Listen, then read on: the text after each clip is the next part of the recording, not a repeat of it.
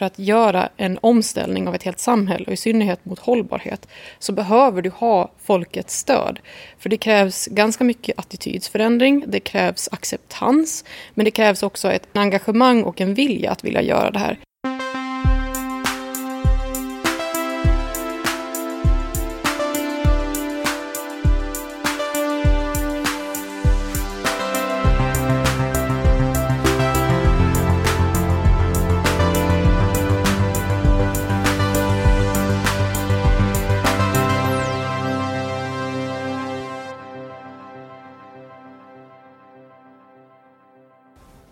Välkommen till Heja Framtiden. Vi sänder idag från eh, Åland. Vi är på Hotell Arkipelag och Östersjöfondens eh, årliga sammankomst Get to know your neighbor. Där vi eh, försöker hitta en framkomlig väg mot en vision 2049. Det har varit väldigt spännande två dagar. Ehm, och jag sitter här med Anna Häger som är kommunikatör på ett företag som heter Flexens. Ansvarig för medborgarengagemang. Välkommen till Heja Framtiden. Tack så jättemycket. Ska vi börja med vad Flexens är egentligen och vad ni gör på Åland? Så Flexens är ett teknik och innovationsbolag som sysslar med förnyelsebar energi och implementeringen av ny teknologi inom olika energilösningar. Så tanken är att att eh, Åland ska verka som vårt första testområde där vi testar den typen av teknik och innovation som är på väg att komma ut på marknaden men ännu inte riktigt har nått dit. Och tanken att använda Åland är för att de här bolagen som utvecklar tekniken helt enkelt ska ha det som ett referensområde. För det kan ofta vara så att teknik finns och den är tillgänglig men det finns ingen referens helt enkelt. Så att det är svårt att sälja den. Det är svårt att sälja in någonting som inte har demonstrerats i ett fullskaligt samhälle. Och eh, då vill vi satsa på det här och ta hit den tekniken och visa upp den. Även om den kanske inte är ekonomiskt försvarbar så har vi ändå finansiellt stöd från bland annat Business Finland som ser till helt enkelt att vi visar upp det här. För att det är lite hönan och ägget situationen. Att, att visa upp teknik som finns men den är inte ekonomiskt försvarbar rimmar inte bra i ett samhälle. Just det, så ni blir en slags brygga mellan forskning, utveckling och eh, näringslivet? Ja, det kan man säga och sammanfatta det bra. Um, och vad är din roll? Du, du, driver, eller du är med i ett projekt som heter Smart Energy Åland um, som kommunikatör. Vad, vad är din liksom, främsta roll där? Så Smart Energy Åland är det första projektet som Flexens driver. Det är vårt pilotprojekt helt enkelt. Ja, referensen utåt till världen att vi kan göra de här samhällsomställningarna. Och min roll eh, som kommunikatör och eh, projektledare för medborgarengagemang är helt enkelt att sprida den här informationen. För det finns stora kunskapsluckor och även kommunikationsluckor. Att hur kommunicerar man aktivt? Att man pratar på samma och gemensamma plan. Att man talar om samma saker, att man har samma agenda eller likartad agenda. Hittar man gemensamma nämnare? Så där är min roll som kommunikatör helt enkelt att göra den tekniska och den innovationsmässiga innehållet begripbart för gemene man men även för beslutsfattare och eh, näringslivet. Och inom medborgarengagemang så att eh, det finns otaliga studier som visar på det. För att göra en omställning av ett helt samhälle och i synnerhet mot hållbarhet så behöver du ha folkets stöd. För det krävs ganska mycket attitydsförändring, det krävs acceptans men det krävs också ett, en engagemang och en vilja att vilja göra det här. Känner människor ägarskap till en lösning, då går en omställning betydligt snabbare. Ja, det är väl någonting som har kommit fram väldigt mycket under de här två dagarnas eh, workshop eh, som vi gjort nu. Att eh, mycket av den tekniska, eller tekniska lösningarna finns redan i princip på plats. Det är bara det är lagstiftning och eh, beteendeförändringar och information som saknas. Varför är det så svårt att liksom, nå ut med sådana här frågor?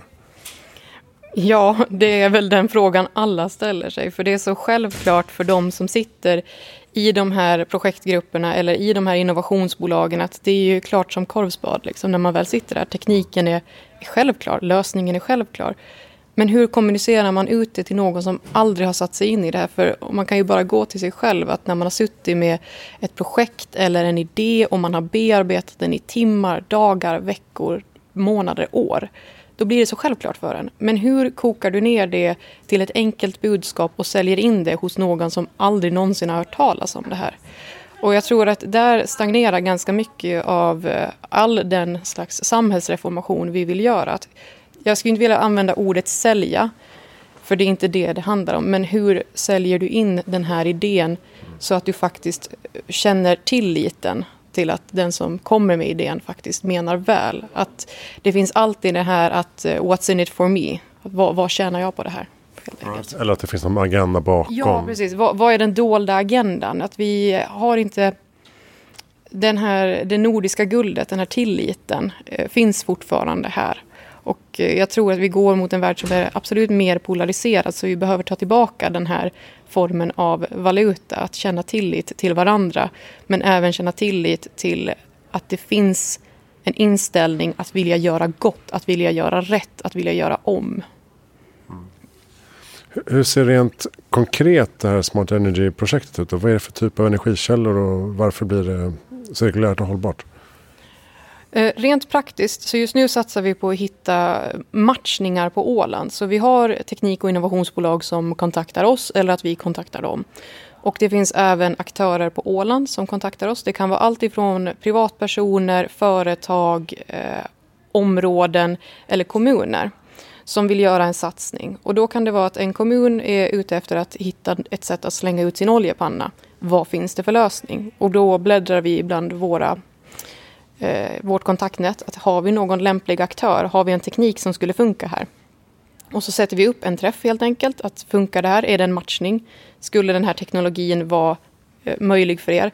Vad har ni för ekonomiska förutsättningar? Kan vi bidra att leta stöd någonstans ifrån? Och allt ifrån det helt enkelt. Så det är ett sätt att eh, bistå i formen av upphandling. För när du gör en offentlig upphandling så är det att du får skicka in anbud. Men då är det också att de som har möjligheten att skicka in anbud ska ju se det här. Och de nya teknikbolagen, i synnerhet på ett litet samhälle som Åland, så blir det ganska lokalt. Så hur får vi ny teknik att visas upp här då i så fall? Då måste vi hitta dem. Så det är en av de saker vi gör bland annat.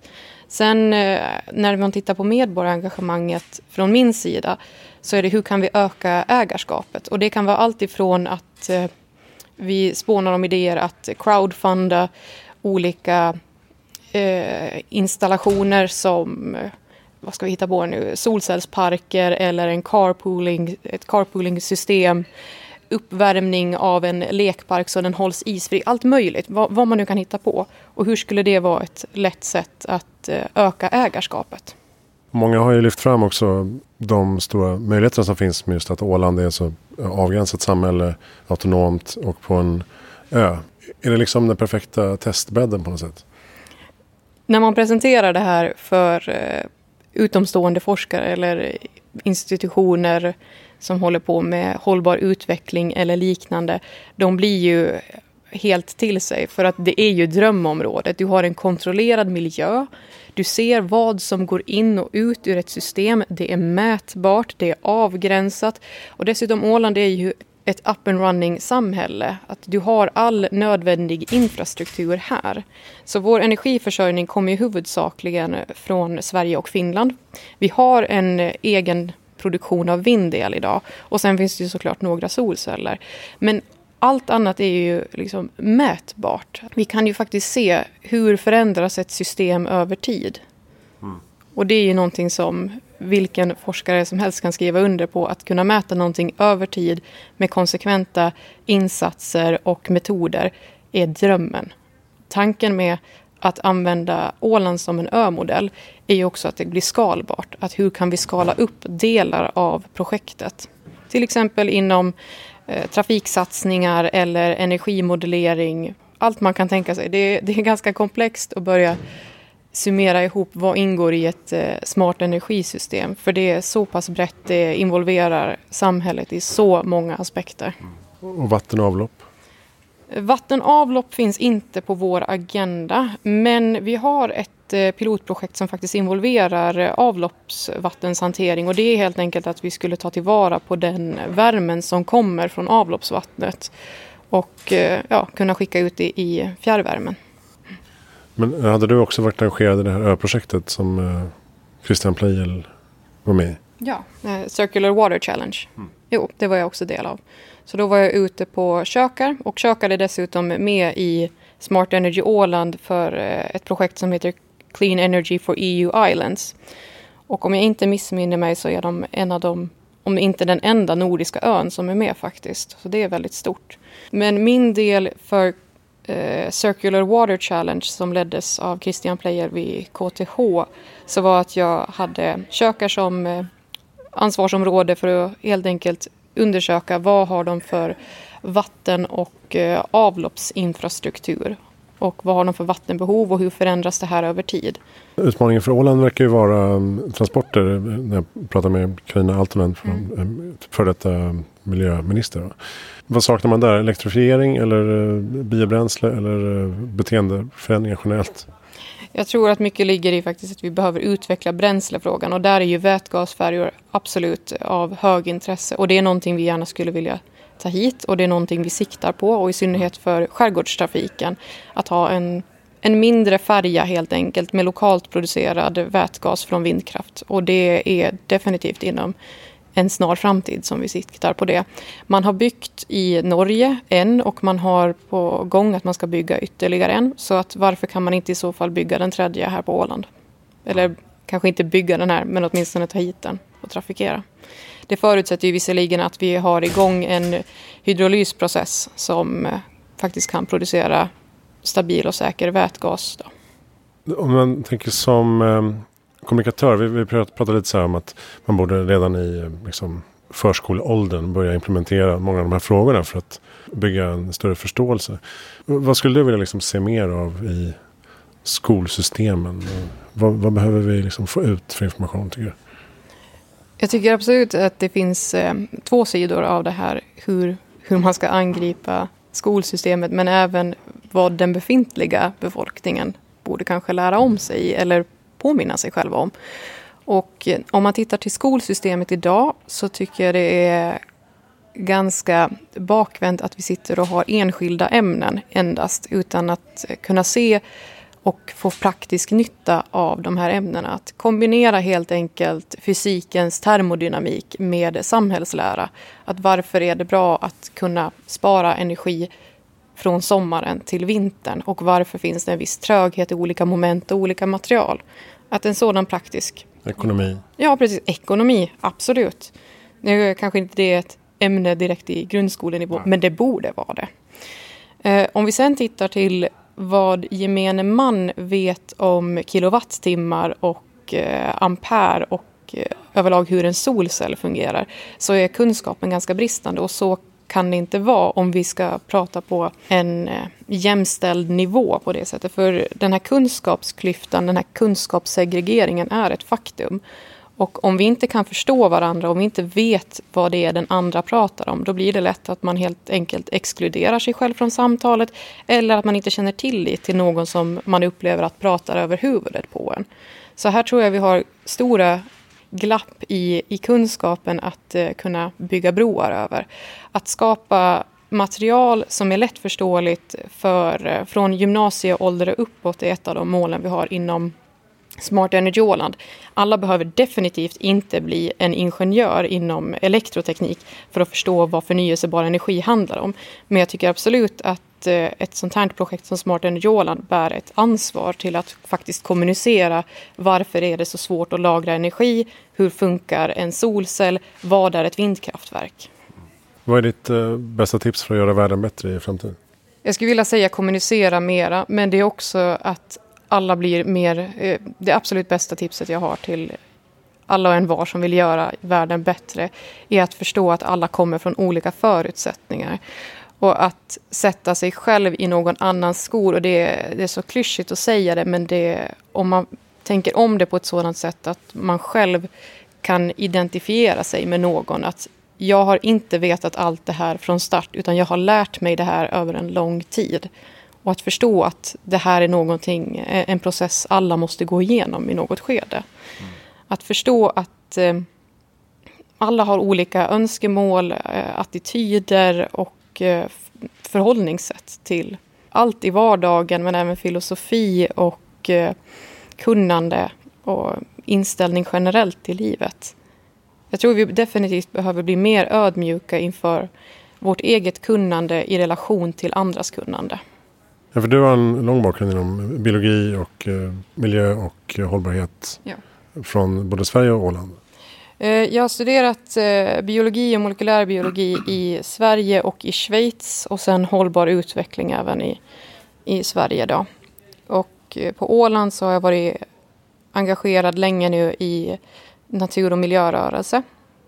Och, men det, det här är någonting som har kommit med mig från barnsben så att jag, jag har det ju inrotat i hela mitt system, i hela mitt väsen. Så att jag vet ju om det och det är någonting jag måste förhålla mig till och benämna ändå som mitt handikapp att jag har svårt att förstå människor varför de inte förstår att det här är viktigt. Så ja, det är väl det jag kan säga egentligen om min bakgrund. Att, och även vad jag ser i framtiden. att Visst, jag har mycket kött på benen när det kommer till de här frågorna. Men det förutsätter inte att alla andra har det också. Och det är någonting jag måste lära mig leva med i min, ja, min karriär. Eh, har, du, har du bra lästips? Jag tycker alla borde läsa Yuval Hararis eh, Sapiens. Att förstå varifrån vi kommer och varför världen ser ut som den gör. Och även eh, Melinda Gates eh, The Moment of Lift. Att förstå att det här fortfarande eh, att det finns eh, segregering mellan könen och varför det ser ut som det gör. Och även vad som skulle hända om vi lyfter upp eh, bägge könen. Inte bara liksom att eh, vi fortsätter att lyfta upp män, alla kön för, liksom, förtjänar faktiskt att lyftas fram jämlikt. Men i synnerhet när det som händer när man lyfter fram kvinnor, att hur man lyfter ett helt samhälle så går det så otroligt fort. Den är, båda är fantastiska. Men den- Melinda Gates bok heter Kvinnor förändrar världen på svenska. Och har ju ett starkt eh, eh, söder om Sahara-perspektiv. Vi- Där, eh, som jag tar också upp i föreläsningen, där att kan man bara hitta sätt att eh, få familjekontroll och preventivmedel och skolgång och utbildning så är det väldigt mycket i samhället som ger positiva effekter eh, Absolut. bland flickorna. När flickorna får tillgång till det. Absolut, men det är även när du tittar på bolagsstyrelser i väst. Att eh, vilket bolag är inte intresserade av att öka sina, sin, sina ekonomiska förutsättningar. Och det finns vetenskapliga studier, det finns statistik som visar på att när du inkluderar kvinnor i styrelser så stärker du bolaget. Det, det går inte liksom att, att bara svepa undan. Och visst, det här att eh, kvotera in kvinnor kanske känns märkligt och eh, kanske rent av nedvärderande. För man vill ju bli värvad för sin kompetens. Men kvinnor måste ges en chans och vi behöver förändra våra, vårt förhållande också till hur vi... Vi behöver förändra vår, vår kultur. För kvinnor är en, en diskriminerad grupp idag. Det går inte att sätta det på något annat sätt. Men det är därför det så, så bra som du säger att det, att det kommer hårda siffror på att det är mer lönsamt med jämställdhet. Även eh, eh, mångfald finns ju också eh, siffror på att det ökar kreativitet och innovation. Så. Och inte minst att man får en annan kontakt med sin faktiska målgrupp som man har som eh, slutkunder ofta. Ehm, vem tycker att jag ska intervjua i framtiden? Jag vet att jag har varit runt här och intervjuat en hel del av alla de spännande aktörer som har funnits på plats här. Men eh, jag skulle jättegärna vilja höra en intervju från de som sysslar med eh, Duconomy och Åland Index. Att hur kan man koppla bankväsendet och ekonomin till eh, ens faktiska klimatavtryck? Så att eh, de som är inom det bolaget. Jag kan inte droppa några namn så här, tyvärr. Men jag hade gärna hört mer om, om det här. Duconomy? Duconomy och eh, Åland Index. Så det är Ålandsbanken som har utvecklat det här på Åland då, och de finns ju även i, i Sverige, trots namnet. Det är helt enkelt ett sätt att eh, mäta ens koldioxidavtryck med hjälp av sitt kreditkort och ja, debitkort. Då. Så då kan du gå in direkt på appen och se hur mycket har min månatliga konsumtion påverkat och hur kan jag kompensera för det och finns det alternativ? Aha, smart. Tack snälla Anna Häger för att du var med här i framtiden. Var, var kan man hitta mer information om uh, Smart Energy-projektet? Man kan söka på smartenergy.ax och vill man veta mer om Flexens så är det flexens.com.